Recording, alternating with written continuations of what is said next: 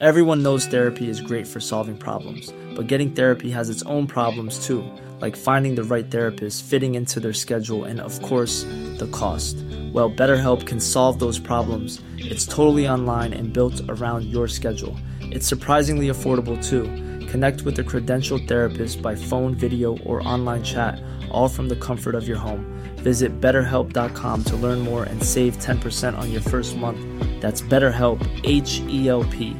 Burrow is a furniture company known for timeless design and thoughtful construction and free shipping, and that extends to their outdoor collection.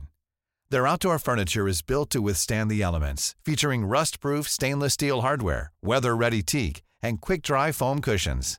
For Memorial Day, get 15% off your Burrow purchase at burrow.com slash ACAST and up to 25% off outdoor.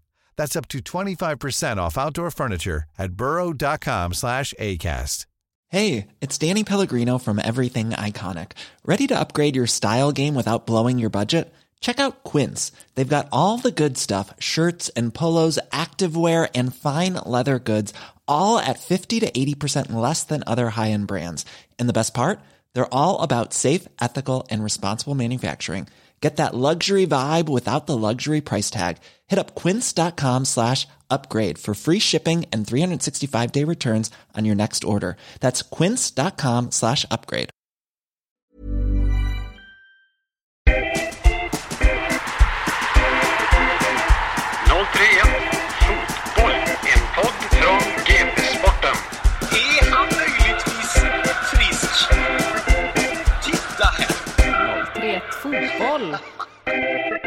Varmt välkomna tillbaka till 031 Fotboll som idag sitter på en byggarbetsplats. Det renoveras och det står härliga till.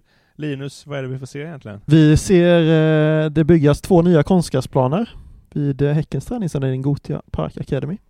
Jag kan inte beskriva alla maskiner, men det är massa maskiner i alla fall. Härligt. Vi får se om eh, veckan, eller dagens gäst här helt enkelt kan beskriva vad det är för maskiner här. Kanske har koll på det. Vi säger varmt välkommen till podden till Pontus Dahlberg. Tack så mycket. Hur ofta tittar du på det här bygget här ute? Nej, det har inte blivit så mycket. Jag har hållit till på Bravida nu under försäsongen mestadels. Men eh, när jag var här eh, och var skadad så blev det en del att kolla ut och få, få se förvandlingen. Ja, det är klart. Precis nerifrån gymmet så ser du ju rakt ut ju. Kan du specialstudera arbetet? Jag får se om man läser någonting och lägger en egen konstgräsplan någon gång i framtiden. Brukar du gå ner och fråga om du köra traktorn eller sådär?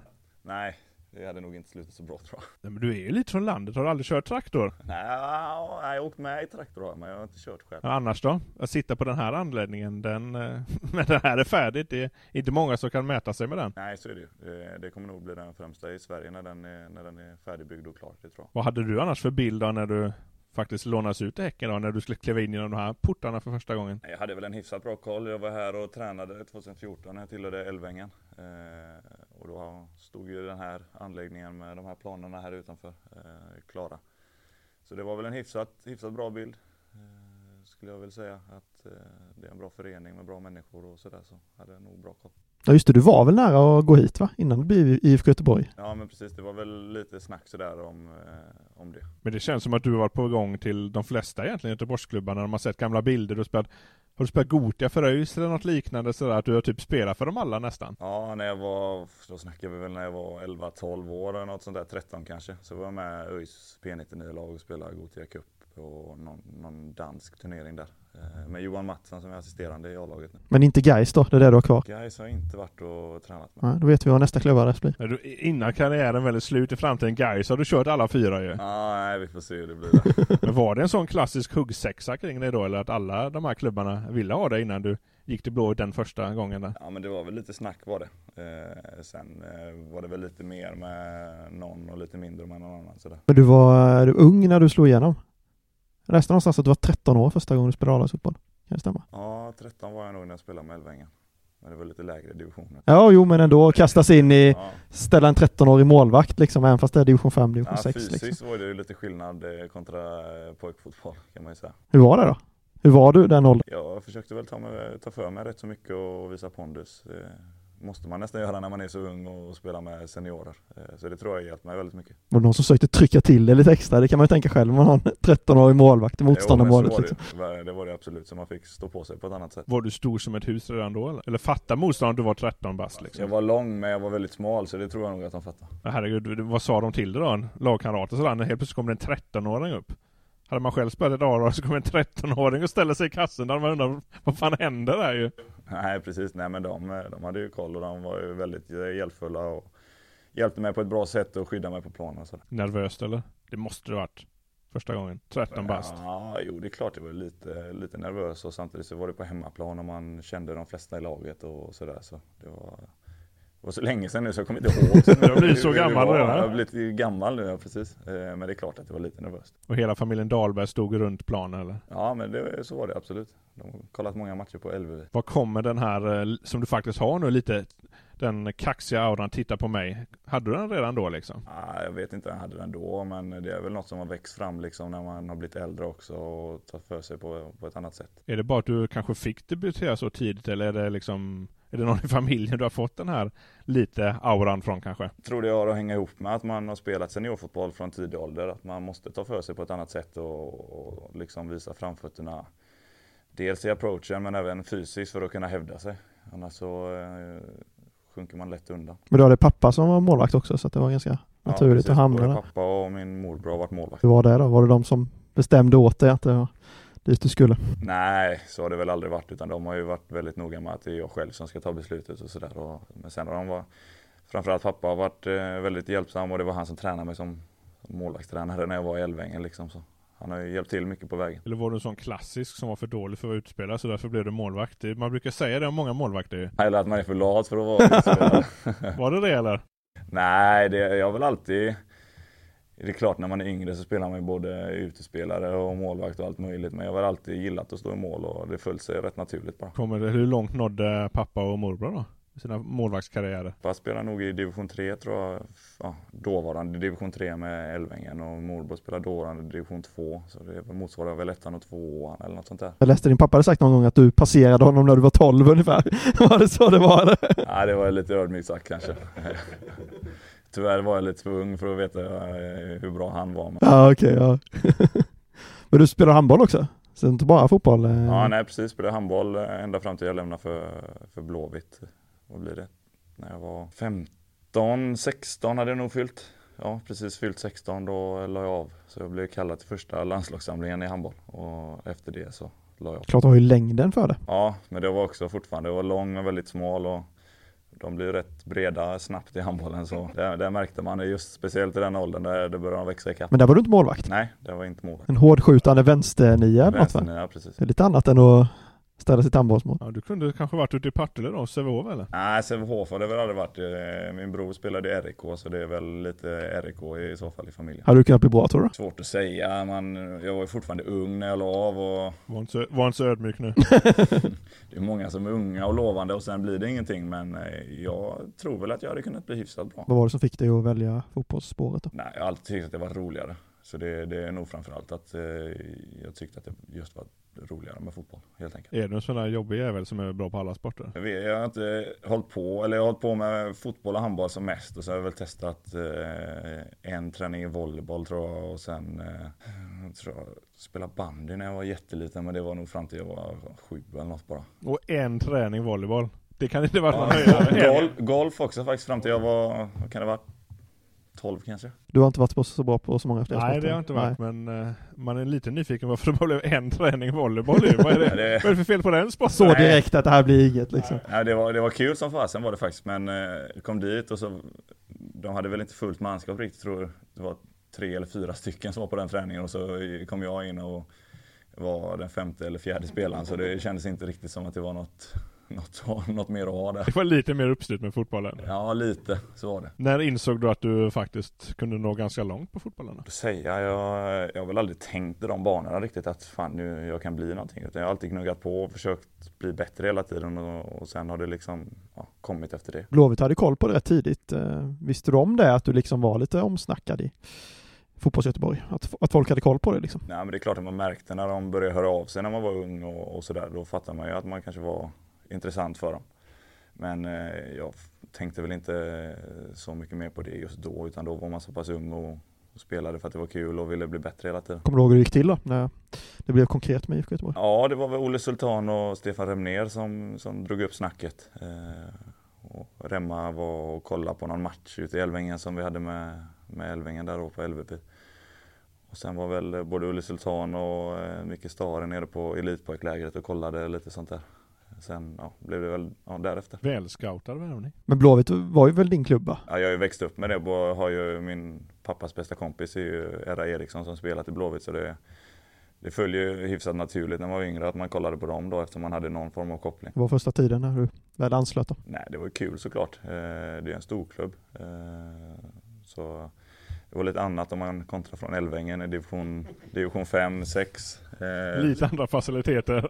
Så det, det är klart, det var, en, det var en omställning på det sättet. Vad var den stora omställningen att kliva in där då? Nej, dels det att det var helt andra förutsättningar. Jag kommer från, från Älvängen där det är ett klubbhus och man eh, sköter det mesta själv liksom kontra att komma dit. Och, som det är här, eh, en hel anläggning med gym och med, med folk som hjälper dig på ett, på ett annat sätt. Även om de har hjälpt en såklart i Älvängen men det är en helt annan kunskap och professionalitet i de här klubbarna. Man behöver inte tvätta sin egen tvätt när man nått den här nivån. Nej precis, då, då tvättas det här på plats istället. Men vad började du i, vad, vad klev du in i för lag när du kom till IFK? Eh, U19 en säsong. Eh, eller ja, en säsong och sen tillhörde jag U19 ja, två tredjedelar in i andra säsongen eller något sånt där men var nästan med fullt andra säsongen med A-laget. Ja, det gick rätt fort innan du var Ja. uppe. Mm. Precis, det gjorde jag. Jag tror Erik Dahlin skadade sig med, med sin rygg där i början på andra säsongen så fick jag vara med efter det. Och sen rullar det bara på alltså. Sen eh, rullade det väl på ja. träffade Erik Dahlin för någon vecka sedan. Då sa han det, jag har aldrig sett en ung spelare komma in och bara ta över ett rum så som Pontus Dahlberg kan göra. Han var fortfarande fascinerad av detta. Att du var så ung och bara Titta på mig, nu är jag här grabbar. Lite den auran. Nej, det är kul att han säger så. Han har ju hjälpt mig otroligt mycket sedan han kom till Blåvitt och varit en stor förebild liksom som jag har lärt mig mycket av och hjälpt mig på traven. Så det är kul att Sa att han nästan direkt kände lite att han blev nästan mer åt en målvaktstränare för att hjälpa dig nästan. Ja men precis så var det verkligen. Han, eh, han har stöttat mig jättemycket både på och utanför planen och hade en bra, bra nära kontakt med honom. Kändes det då att faktiskt bli ordinarie i Blåvitt så snabbt som det blev? Många brukar ändå ha lite av en invärvningsperiod men du gick ju nästan rätt in i hetluften. Jo men så var det. Jag var ju ung. Jag var ju 18 när jag debuterade eh, och det är ungt som målvakt. Eh, Men det är klart att det var stort. Man, man har alltid drömt om att spela i Allsvenskan. Eh, Sen när man var liten, det är ju den, den ligan som man växer upp med och kollar på när man, när man är liten liksom. Så det var stort. Malmö FF, Ullevi. Minns vi ju alla. Ja. Vad kommer du ihåg från den matchen? Att det var mycket publik som gjorde det otroligt roligt. Framförallt det. Och sen att det var ett eh, rivalmöte också, det var krydda på det. Vad, kommer du ihåg vad du tänkte liksom innan avspark där? Eller vad, vad, vad går genom huvudet när man ska debutera i en sån match? Eh, nej, det var väl inte så mycket. Det var mer att jag såg, såg fram emot det eh, på ett helt annat sätt och, och liksom var mer taggad än nervös om man säger så. Mer nervös då än eh, 13-åriga debuten i Älvängen, division 6. Jag kommer faktiskt inte ihåg. Eh, ja, min, min debut i Älvängen var nog eh, kom jag, fick jag, målvakten som skulle stå skadade sig på uppvärmningen så jag fick hoppa in och, och spela den matchen och vi ledde med 2-0 fram till kan det varit typ 82 minuten så vände andra laget till 3-2 så det, det gick ju bättre i den här matchen. Aj, aj, aj. Hade kunnat blivit skadad på riktigt, alltså.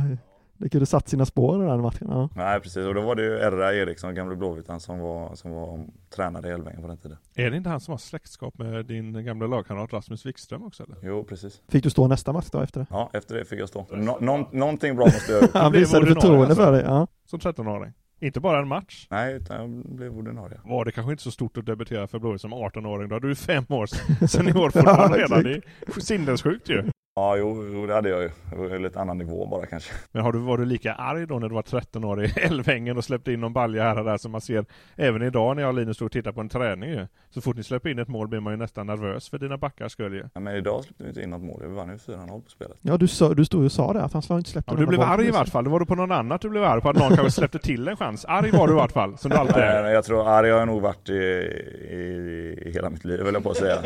Eh, Frågar du Dalle det så skulle han nog säga samma sak. Det sa han till mig nästan varje dag, att jag såg så jävla arg ut. Men eh, nej, det har jag nog varit hela tiden. Eh, speciellt när jag spelade handboll och var jävligt grinig. Så jag tror inte jag var alltför omtyckt på, på handbollsplanen och det har jag nog tagit med mig in i, på fotbollsplanen också. Var kommer det ifrån då? Ja, bra fråga. Vinna, vill, vad heter det? Eh, vilja vinna hela tiden och hata att förlora tror jag. Är familjen likadan eller? Eller är det du som har förstört alla spelkvällar genom uppväxtåren? Eh, nej, jag har nog förstört en och annan eh, eh, spelkväll skulle jag nog säga. Men eh, nej, det är klart, det ligger lite i familjen också. Eh, hata att förlora. Är du en sån klassiker som att oavsett vad du gör att du hatar att förlora? Eller om vi skulle dra upp ett monopol, jag och Linus, hade du fortfarande blivit förbannad om Linus eh, fick det gå i konkurs? Ja men lite så, när jag och tjejen spelar eh, brädspel hemma eller något sånt där så kan det bli lite sura miner. Hon gillar inte heller att förlora så mycket så. Två likasinnade som hittar varandra. Ja precis. Är du en bra vinnare då, hemma?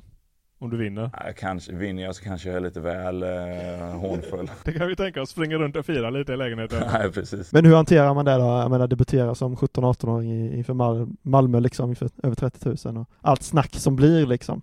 Jag kommer ihåg att Stefan Remén jämförde det med Andreas Isaksson. Och, alltså det blev ju mycket sånt snack liksom. Hur, hur hanterar man det när man är så ung? Nej men det är klart att det blir mycket snack när man, som du säger, när man är ung och sådär. Eh, men det gäller att ha fötterna på jorden och inte sväva iväg. Det, jag tror att det är lätt att man börjar sväva iväg och tror och tycker att man är bättre än vad man är utan man får, man får ha fötterna på jorden och försöka jobba varje dag för att bli bättre liksom.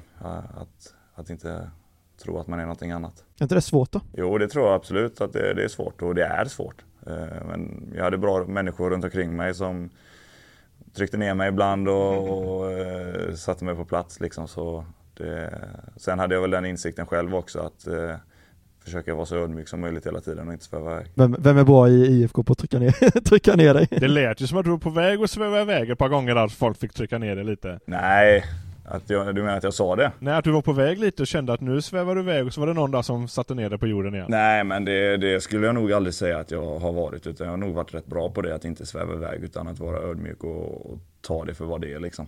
Eh, så jag tror inte att jag har haft eh, några problem med det. Jag vet inte om någon annan säger någonting annat. Vi får göra research får göra en enkät här. här.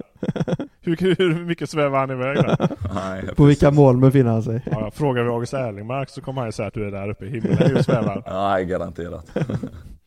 Men hur var det att komma upp så tidigt då? För ni var ju ändå några andra, till exempel du och August, ni kom nära. Ni, kanske skönt att det fanns några yngre? Jo, men så var det. Jag har kommit nära flera där från den tiden. Både August och Engvall var där också innan han eh, drog vidare. Och Tom Amos hänger fortfarande mycket med och Paka och sådär. Eh, med flera. Så det, det, är flera, även Emil Salomonsson hjälpte mig mycket och var, var där och stöttade och liksom pushade med den erfarenheten han hade. Hur hanterar man senare då att det börjar snackas om klubbar från nästan alla Europas hörn och att det är Premier League-klubbar som jagar en när man fortfarande är så pass ung och man ser vilka belopp som nämns och sådär liksom. Det, hur är det att hantera? Nej, det är ju lite surrealistiskt, det är det ju såklart. Det är, det är enorma belopp som nämns i fotbollsvärlden nu för tiden och, och även då. Så det är klart, det är en helt annan verklighet men eh, man får väl försöka att inte tänka för mycket på det utan fokusera på sitt eget som, som det är med det andra också. Utan ja, jobba vidare och fokusera på där man är eh, där och då. Kände du en press av att behöva lämna för Blåvitt?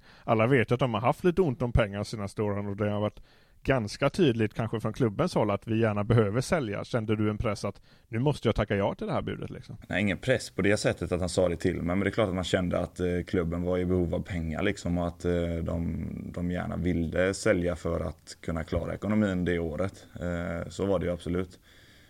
Det var inte så att det var mycket snack, eller att de snackade mycket om att vänta nu och se. Utan det, det, är klart att när det kom upp något bra bud på bordet så var, var de väldigt framåt och ville ta det vidare. Hur mycket ville du, olika spelare vill ju veta olika mycket, involvera vad du i liksom processen med olika klubbar och bud och, och sådär? Nej, ja, det är klart att jag var väldigt eh, intresserad och ville veta och snackade mycket också. Eh, och frågade mina dåvarande agenter liksom vad, vad som hände och vad, vad den aktuella klubben hade att erbjuda och vad, vad planen var och sådär.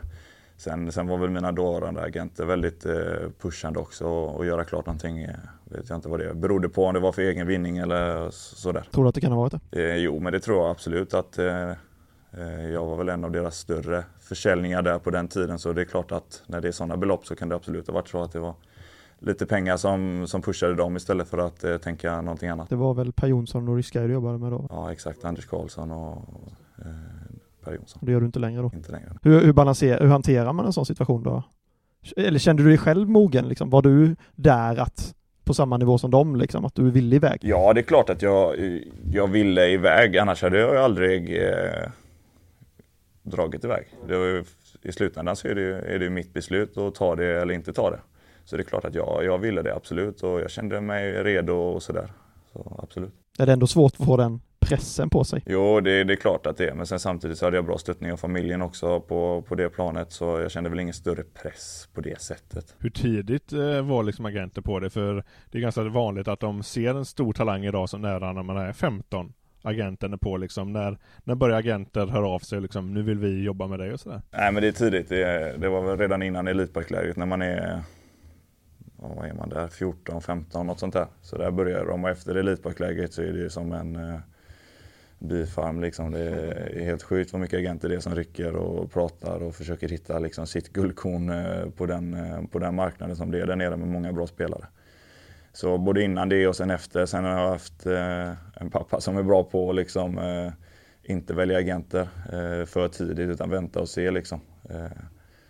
när man är så ung så behöver man väl egentligen inte en en agent utan det är senare man behöver det. Det känns ju där som du är lite kanske inne på där om man inte har bra folk runt omkring sig som pappa eller mamma eller familjen att det kanske lätt kan bli fel för en ung talang om en agent slår klorna igen. Jo men så är det absolut, det tror jag absolut är viktigt. Nu är du noga med vem som jobbar med det nu eller är det farsan som har tagit över eller? Nej han var väl med när jag var lite yngre och sådär och nu, nu kör vi mer självständigt skulle jag säga. Du är din egen? Agent? Ja. Ja, nej, nej. Jag menar mer med, med, stu, med stöttning och sådär och, och, det är klart jag rådfrågar fortfarande men eh, jag tar väl mer mer enskilda beslut själv. Men nu jobbar jag med Hassan Setnikaj istället. Hur kommer det sig att du bytte då? Det skar sig på, av olika anledningar eh, eh, under tiden i Watford som, som gjorde att jag tyckte att jag behövde se mig om efter nya. Hade det något med speltid att göra eller vart du ville liksom vidare? Nej, det var väl lite andra grejer som, som det skar sig. Som inte är kopplat till fotbollsmässigt. Ja just det, Watford, det är ju där vi landar till slut. Hur kommer det sig att det blev blev det. Det har ju skrivits mycket om det såklart, men när du ser tillbaka på det. Fanns det andra konkreta val då, eller var liksom Watford det, det du hade liksom som var konkret på bordet? När du lämnade Blåvitt? Eh, nej, det fanns andra konkreta eh, val också. Men sen, eh, det är klart att eh, Blåvitt var ju mest intresserade av det eftersom att det var de som kunde lägga mest pengar. Eh, så där faller ju några andra alternativ, intressanta alternativ bort också. Men eh, det, det, var ett intressant alternativ tyckte jag också. Annars hade jag aldrig gått dit som sagt. Utan det är fortfarande mitt beslut som är det slutgiltiga beslutet.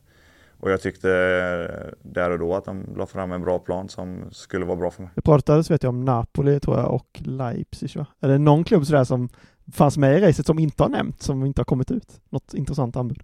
Nej precis, det var väl lite snack eh, om båda klubbarna där. Ja, var det något mer? Ja det var no några till klubbar. något du kan breaka här i podden för oss? Nej, eftersom att det aldrig blev eh, så pass eh, konkret eftersom att Blåvitt då ville ha så mycket pengar som möjligt så följer några andra klubbar bort som inte kanske kunde lägga de summorna. Jag kommer ihåg någon gång att du fick frågan eh, om det var ett för stort steg och då sa du att ja men det kanske fanns större steg att ta.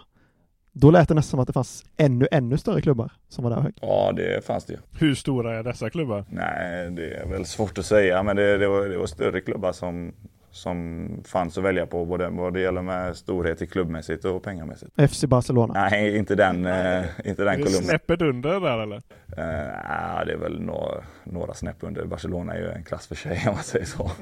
Om vi fortsätter fråga så kommer vi komma dit. Ja, till slut. Uteslutningen, ja. så vet vi vilken nivå. Vi var det Manchester United? Nämner olika klubbar så.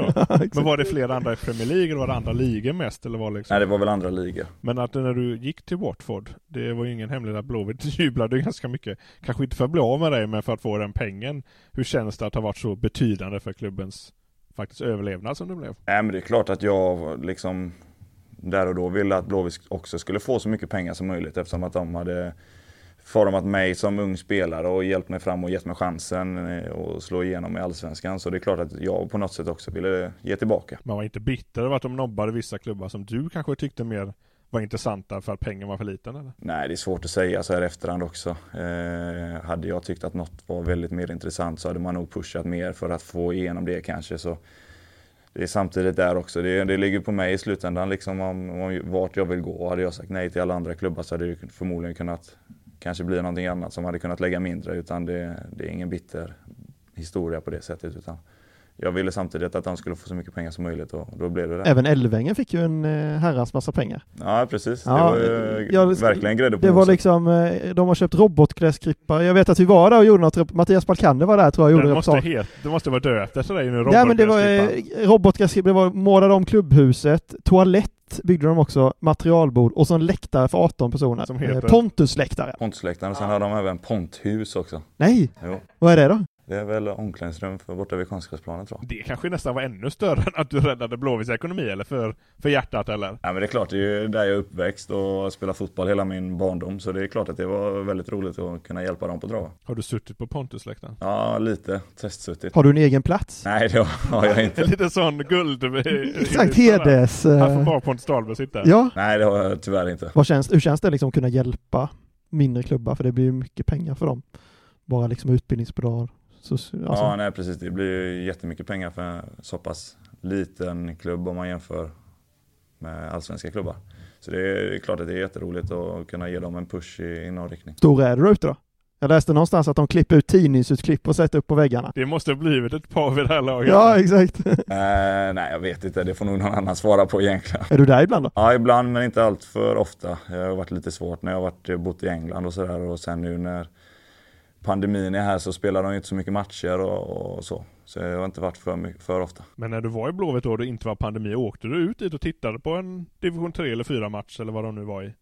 Hände Då var det liksom? väl eh, femman eller sexan. Så, så pass raset som du lämnade då? Nej, det var ju där jag spelade också, femman, sexan. Så högt har det inte varit. Eh, nej, jag har inte så många matcher. Det är klart att någon match här och där kollade man på, men eh, lite för lite. Hur var det att kliva in i Watfords anläggning då och kampas med Ben Foster och Herel och Gomes va? Nej, det var ju en helt annan, eh, vad ska man säga, eh, andra faciliteter och möjligheter på eh, en helt annan värld. Det ligger en, mycket mer pengar som ligger bakom det som man, som man har tillgång till där. Så det, det var en annan Och upplevelse. just att kampas med de två, även om de kanske inte är världsmålvakter på det sättet, ändå två målvakter som har varit i Premier League lite mer än tio år var när du kom dit. Nej men precis, det, det var ju en otrolig erfarenhet för mig att kunna träna och spela matcher med dem liksom och kunna ta lärdom av dem. Eh, jag vet inte hur många hundra Premier League-matcher de har ihop men det är nog eh, en hel del och Champions League och, och landskamper och sådär. Så eh, väldigt nyttigt och framförallt två väldigt bra människor. Förutom liksom hela professionalismen och sådär, var det någon annan skillnad jämfört med att kliva in i, hos IFK Göteborg? Eh, när man, jämfört med att kliva in hos Watford liksom. Jag tänker klimat och liksom mottagande och omhändertagande och så. Nej, jag skulle väl egentligen säga att det var hyfsat likt förutom att där ser man mer fotbollen som ett jobb kontra här. Här umgås man mer på fritiden än, än vad man gör där. Eh, lite större utsträckning här att man gör det. Eh, och ett jobb eh, där man åker dit och tränar och sen åker hem och ibland ses man på någonting. Eh, kontra här där jag kanske tar en kaffe efter träningen några gånger i veckan och, och sådär. Eh, så det var den, det som var största skillnaden om man jämför på det sättet. Nye lagkamrat Martin Olsson, nu var han visserligen 16 eller någonting när han kom till England, men han sa att det var väldigt mycket mer äta eller att ätas i England än vad det är här. Att det är mycket råare klimat. Är det det även i, uppe på Premier League-nivå liksom? Det vet nog han eh, hundra gånger bättre än mig. Han har ju varit där och, eh, i många år och, och så kan det mycket bättre än mig. Men det är klart att eh, så var det lite också att, ja, att det ätas eller bli äten liksom. Eh, man måste ta för sig för att liksom kunna hävda sig och, och sådär. Så Gomes och eh, Foster gav dem mycket tips liksom, eller kände de mer att "Ja, nu ska vi inte hjälpa den här lille svensken för mycket så att han tar vår plats. Nej, där hade vi en väldigt bra, eh, vad ska man säga, eh, dialog och eh, connection liksom. Utan de var två väldigt bra människor som kunde dela med sig av eh, olika tips och hur de tänkte i vissa situationer och sådär och hjälpte mig väldigt mycket på traven. Så. Eller fortfarande. Ben är ju kvar och Gomes har ju inte, eller Gomes har ju lagt av nu men det, de eh, var absolut inte på det sättet utan de, de var väldigt villiga att hjälpa och, och pusha. Ja, han brukar till och med skriva lite på Twitter sådär när du eh, står för lite fantomräddningar. Ja, Så han har nej. lite koll på det i alla fall. Ja, precis. Eh, nej, men det är en väldigt bra människa som, som jag har lärt mig väldigt mycket av. Och målade de upp för bild för dig, eh, Watford, när du skulle skriva på? Vad, vad, vad var liksom planen? Nej, men planen var väl att jag skulle komma dit och, och på sikt bli första målvakt. Eh, att han trodde på mig liksom och sådär. Det är klart att jag inte kommer dit som 19-åring och går rätt in i Premier League startelva liksom, utan eh, att jag på sikt skulle, skulle ta den platsen. Känner du att det har blivit som du trodde det skulle bli? Nej, kanske inte. Jag hade väl hoppats på att få lite mer chanser kanske. eh, Och, och kunna visa sig lite fler gånger i, i matchsituationer på det sättet. Varför tror du inte det har blivit så? Nej, Det är svårt att säga. Eh, Det är svårt för mig att avgöra varför. Men eh, fortsätter jag jobba och visa att eh, det är det här jag vill liksom, så kommer nog de chanserna komma också. Ja, känns det fortfarande som rätt val du gjorde där när du lämnade? Ja, absolut. Jag fort, eh, fortfarande tycker jag att det är rätt val på det sättet att jag har utvecklats både som person och människa och tagit kliv på, på båda de planen. Hur är det för dig att hantera då att man inte fick spela under så pass lång period som det ändå var i Watford? När man då sedan 13 års ålder har varit helt, kanske då given och ofta fått spela? Nej, men det är klart att det var en omställning och, och tufft. Eh, första säsongen så köpte man väl det på ett lättare sätt, liksom att det är en inkörningsperiod och, och sådär. Och det var mycket nytt och, och se och lära och komma in i den engelska miljön och, och sådär. Eh, men sen det är klart att eh, när man kommer in på andra säsongen så var det en del frustration liksom att man, man vill ju spela och sådär. Sen kanske jag inte skulle gå in och spela när, när Ben gjorde det så pass bra som han gjorde liksom.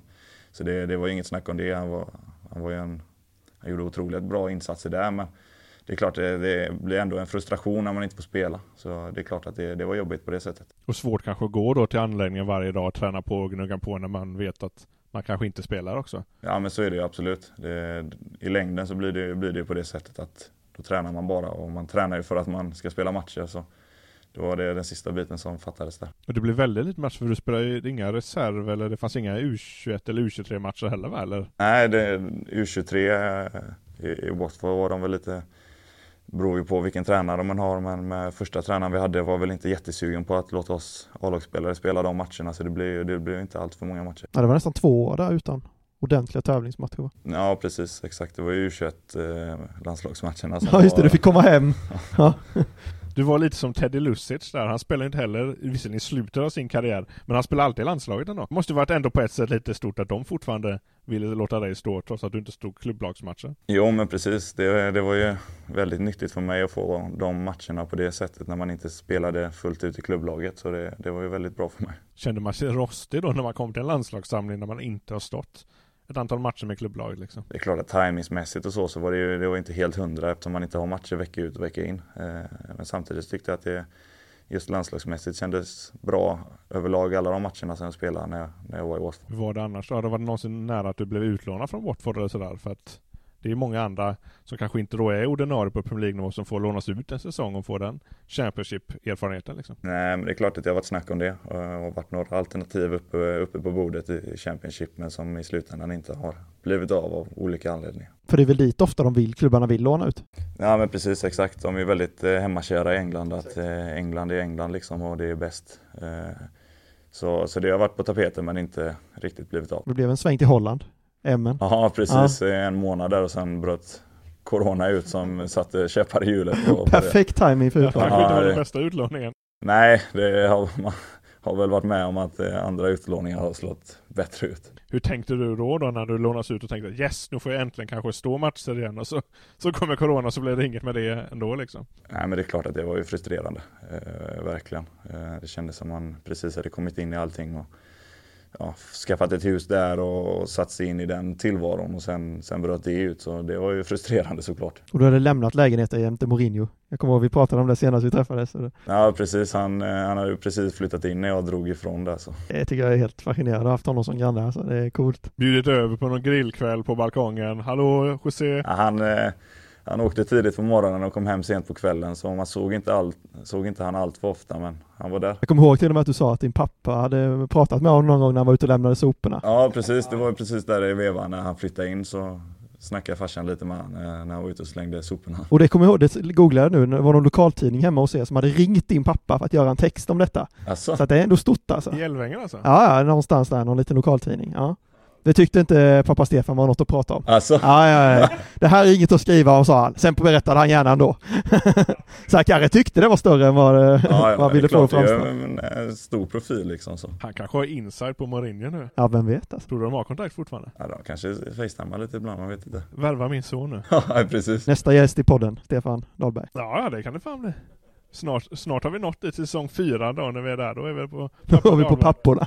Men hur kommer det sig att du hamnade här ute då? För jag gissar att återigen att det inte var ditt enda alternativ. Nej men det, det var väl eh, vad ska man säga, efter att eh, engelska säsongen var slut och åkte hem hit på lite semester och fortsatte söka en, en utlåning då eftersom att eh, den i Holland inte slog så väl ut när, när de stängde ner ligan och allt det där. Så eh, ville jag fortfarande hitta, hitta en utlåning där, där jag kunde få chansen att få speltid och utvecklas liksom och då dök BK Häcken upp som ett eh, bra alternativ. Var det någon gång bara, nej, nej, nej, det här går inte för att jag spelat ett Blåvitt? Nej, det skulle jag absolut inte säga utan från första stund när, när alternativet dök upp så kändes det väldigt intressant och som jag har sagt innan, jag har varit här för många år sedan innan och tränat och, och känner till personerna som är, som är i klubben och det är en väldigt bra och välskött klubb på det sättet så det skulle jag absolut inte säga utan det var bara positiva tankar från eh, när det dök upp. Känns ju inte som att det är samma rivalitet Blåvitt-Häcken som det är att gå mellan Djurgården och AIK eller Hammarby och AIK direkt. Nej, på det sättet så är det nog lite större rivalitet i, i Stockholmsklubbarna. Men att då lånas ut till Sverige till den nivån där du var, kände du att det var liksom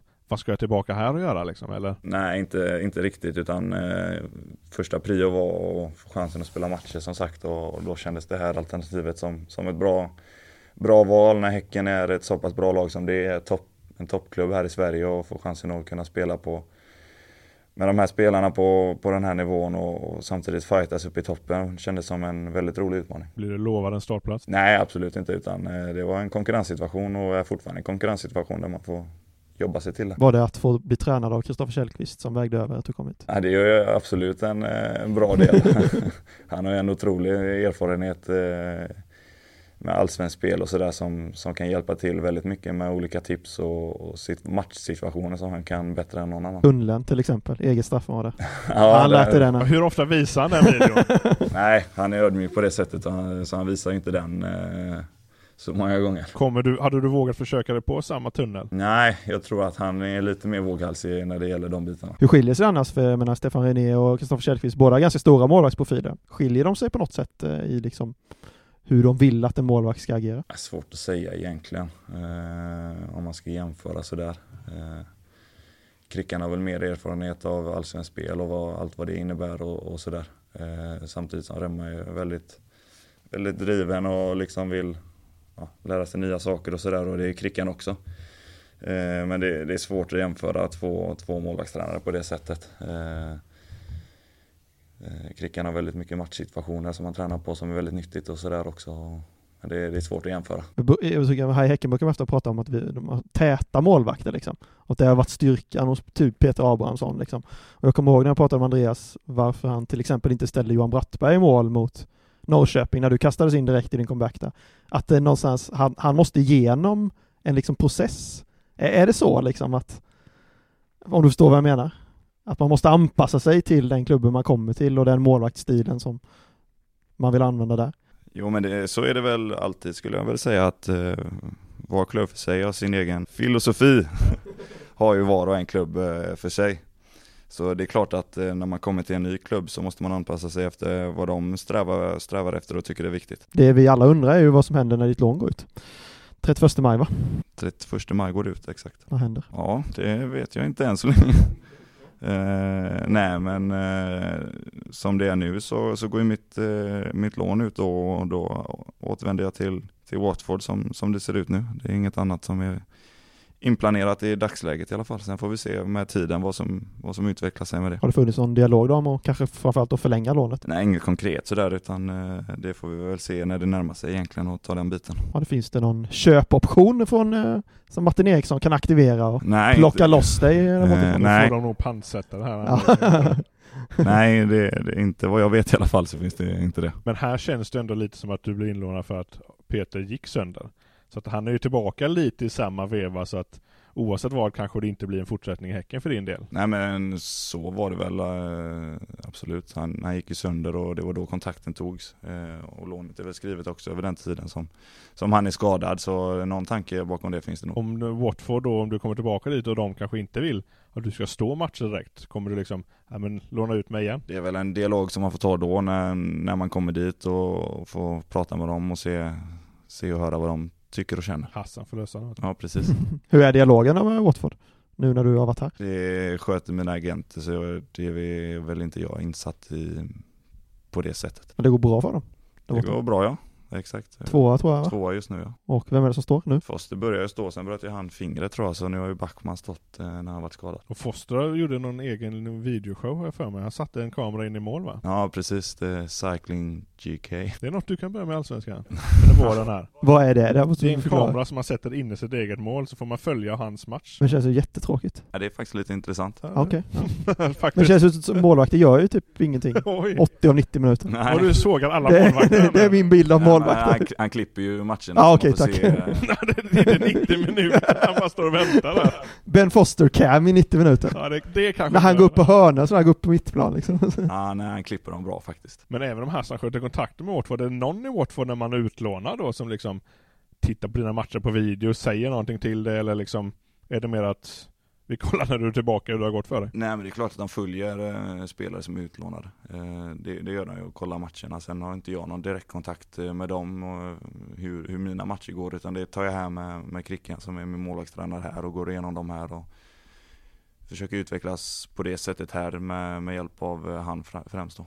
Och så Foster då som kommenterar lite videos här och där när du räddar en boll. Ja precis. Boosta självförtroendet lite. Hur ser du på din långsiktiga framtid då? Är det så att du vill tillbaka och konkurrera inför nästa Premier League-säsong? Eventuellt då när de är uppe? Eller, eller bli kvar i Championship? Eh, nej men det är ju det man får förhålla sig till. Det är där jag har avtal nu och det, det är så avtalstiden ser ut just nu om man ska säga så. Så eh, det är där jag är just nu och då, då får man förhålla sig till det. Så det är klart att det, det är det som är mitt mål just nu. Sen får vi se med tiden vad, vad det utvecklar sig och hur, hur det blir framöver. Men det är fortfarande ett långt kontrakt kvar va? Du skrev fem år någonting när du skrev va? Ja, så i sommar är det två år kvar. Herregud, det är en evighet ju. Femårskontrakt, det är inte många som har det. Nej, så, så är det. Det är långt.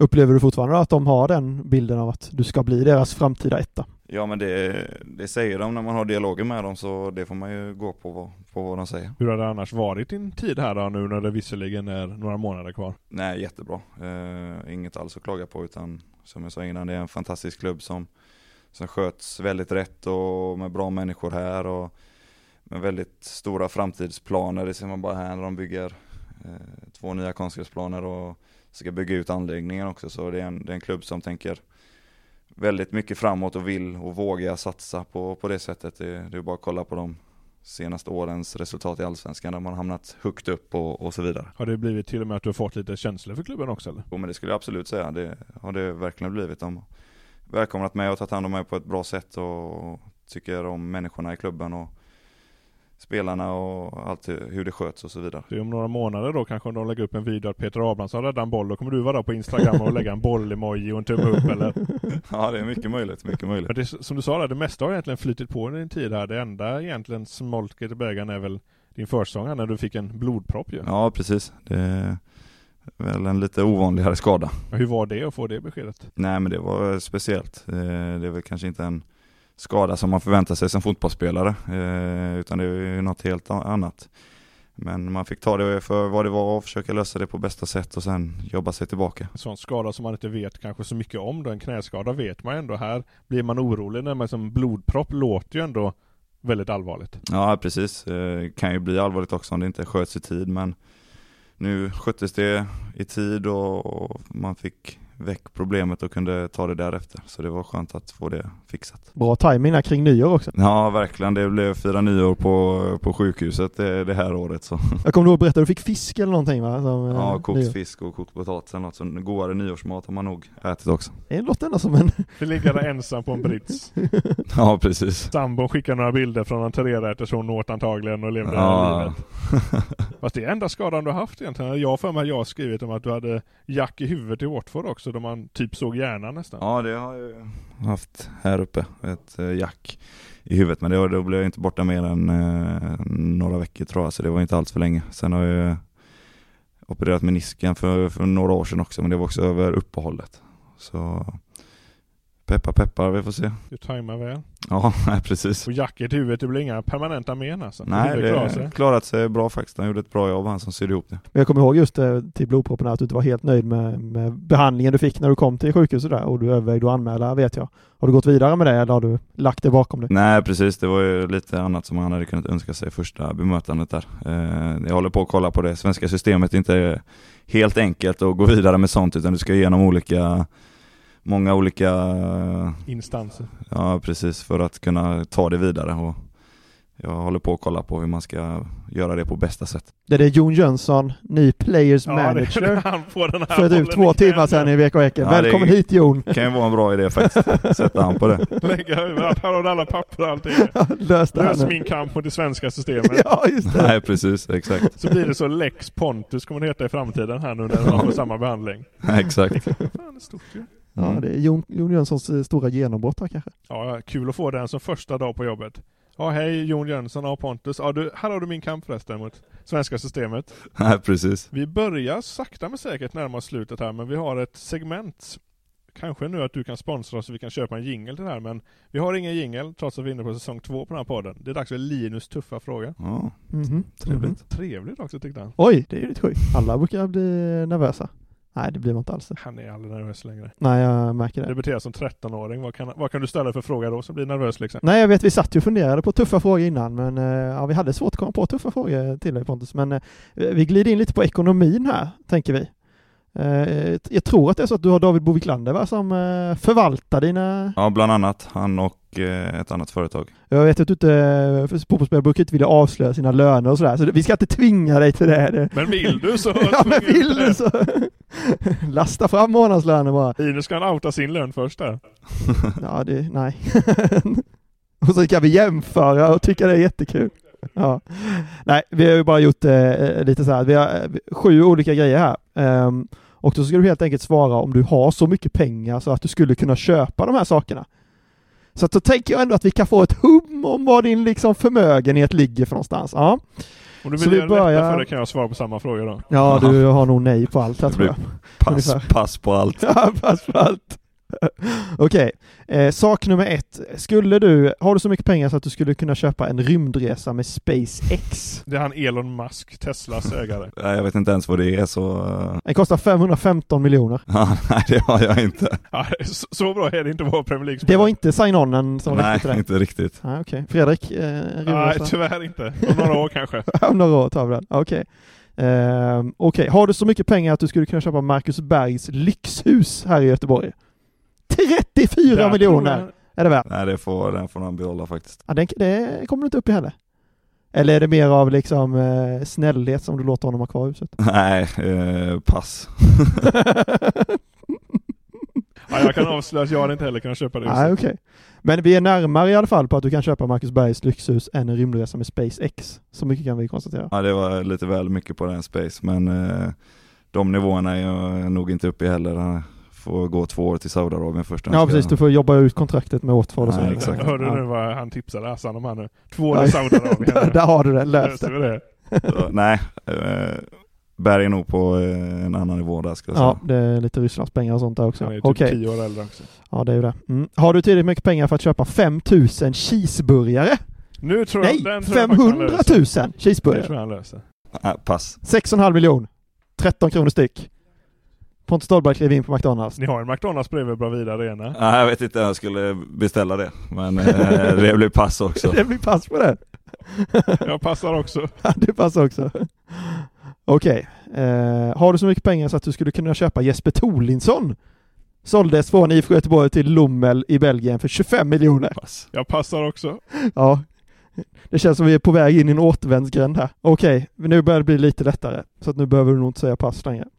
Har du så mycket pengar att du kan köpa en del av en 4,5 miljarder år gammal meteorit?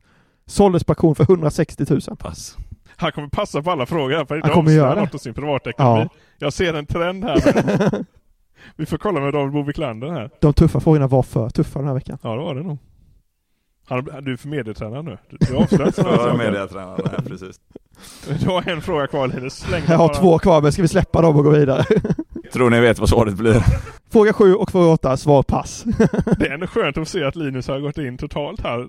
Rätt in i väggen nu med frågorna. Det enda vi kan konstatera är att du inte har råd att köpa en eh, rymdresa. Med Det var det enda svaret vi fick. Så att vi vi vet att din förmögenhet inte är 515 miljoner. Det får bli... eh, Ja, jag kan nog fråga Erik Friberg där om det går bra med bara bäddsoffor. Så kan... Så kanske han kan så kanske han kan sponsra en... Fan vad schysst du är eh, som slänger in det märket nu i podden här. Nej, precis. Erik gjorde ju samma sak, eller Linus gjorde det till och med. Så att det är två gånger han har nämnts i podden nu. Ja men det har jag inte haft någon nytta av. Se om jag kan få lite rabatt på någon Det här är ett då. jävla skyltfönster ska du veta den här podden. Jag hoppades ju också på lite rabatt på någon bäddsoffa men det blev det ju inte. Men om vi ställer med en öppen fråga då. Eh, Många brukar när man skriver sitt första stora kontrakt unna sig någonting. John Klingberg minns jag när jag pratade med honom, han unnade sig solglasögon på Frankfurts flygplats som han sen tappar bort på flyget. Vad var det första du ändå lite unnade dig som inte är en eh, cheeseburgare? Ja du, bra fråga. Något måste du unna dig. För mig att när du flyttade över till Watford, jag gjorde en intervju med dig då du sa att du var på Ikea och alla Ja ställen och köpte möbler var det va? Ja. Ja, möbler då skulle jag säga. Ingen cool bil, ingenting. Han bara förvaltar sätter dem i fonder och sånt där. Ja, men jag och Linus som hänger mycket på Instagram har ändå sett att du åker runt i någon ganska fräck bil. Det är inte din bil alltså? Nej, jag har ju en bil av det. Jag vet inte vilken bil ni menar. Vad är det för bil du har då? BMW. Det har ju du också. Ja det har jag visserligen, så det Nej, precis. kanske inte var så jävla coolt egentligen. Nej. Men hur mycket tänker du på det, alltså ung fotbollsspelare, på att ändå låta någon annan då förvalta dina pengar istället för att bara bränna dem liksom? Nej men jag tycker det är viktigt. Eh, Det är lätt att kanske sväva iväg på det planet men eh, man har ju ett långt liv förhoppningsvis eh, och ett liv efter fotbollen också så det, är en viktig del att kunna förvalta det på ett bra sätt. Hur involverad är du i din egen förvaltning? Det finns ju många fotbollsspelare, ingen nämnd den första gästen någonsin i här podden, som hade noll koll på sin egen ekonomi. Ja. Hur involverad är du själv liksom? Jag veta vad du investerar i eller sådär, eller köper du egna aktier liksom? Nej men jag är väl eh, hyfsat invol- inte involverad på det sättet att jag är med och köper enskilda aktier utan det, det är ju det som de förvaltare jobbar med liksom. Utan det, det är deras jobb att kunna göra det. Sen är jag intresserad och går in och kollar vilka typer de har köpt och så vidare. Och sen köper jag väl eh, lite e-, eget själv också men eh, inte alls för så stor del utan det, det sköter de som eh, är experter på det. Jag måste också fråga Tobias Heinz, eh, att han har en personal shopper i eh, London. Eh, är du också kund hos eh, den här personen? Nej, har man spelat i Turkiet så är man på en annan nivå. Ja, så du har inte köpt någon sån här Louis Vuitton-väska för? Nej, det har jag faktiskt inte gjort. Köper du dina egna kläder eller är det sambon som står för välj, väljer ut vad du ska ha på dig? Var ärlig nu här. Nej, jag köper faktiskt mina egna- kläder. Så det är klart att man frågar om smakråd och sådär. men Ska jag ställa samma helst. fråga till Nej det dig ska du inte göra. Det försvinner tröjor hemma och så kommer det nya bara. Så all, allt har bytts ut sen vi träffades. Jag har inget eget längre. Men apropå din egen, att du lite investerar pengar själv. Eh, Utan att avslöja dina summor här. Vilken värdeökning är störst? Är det proffsen eller din? Vilka pengar ökar mest i värde? av förvaltningen. Förvaltarnas eller din egen lilla privata satsning? Det är väl eh, det andra företaget som har förvaltat mina pengar som har ökat mest. Men går du själv plus på din egen satsning? Skulle du kunna förvalta mina Linus pengar och vi går med vinst? Ja, jag hade nog svängt li- lite mer där. En, ena månaden kanske gått upp eh, en hel del procent, sen nästa månad kanske gått ner igen. Ja, alltså det plus minus noll då. Slutsatsen är att vi ringer David Boviklander tror jag.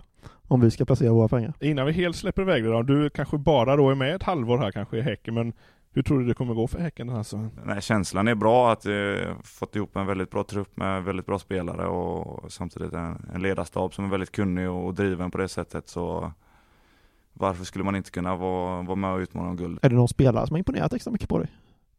När man kommer in nytt ny i ett sånt lag? Liksom. Ja, som, som har imponerat på mig. Det är bara att kolla på Rasmus Lindgren där bak som är en väldigt spe- spelskicklig och bra mittback och kontra Jeremejeff som kommit in nu i, i vinterfönstret här och förstärkt förstärkt oss på den sidan med, med sina egenskaper där framme. Så det, det är många olika spelare som, som imponerar och gör det bra. Brukar inte vilja säga att du släpper in mål på träning. Vem gör med flest mål på dig på träning? Oj, bra fråga. Det måste vara Jeremejeff.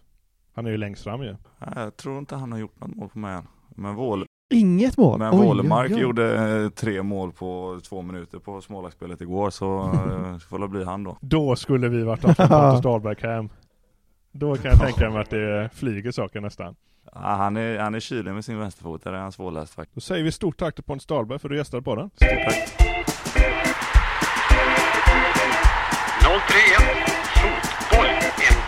podd GP-sporten. Är han möjligtvis frisk?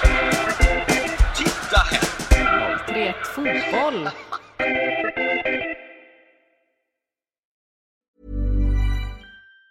Planning for your next trip? Elevate your travel style with Quince. Quince has all the jet setting essentials you'll want for your next getaway, like European linen, premium luggage options, buttery soft Italian leather bags, and so much more. And it's all priced at 50 to 80% less than similar brands. Plus, Quince only works with factories that use safe and ethical manufacturing practices. Pack your bags with high-quality essentials you'll be wearing for vacations to come with Quince. Go to quince.com/trip for free shipping and 365-day returns.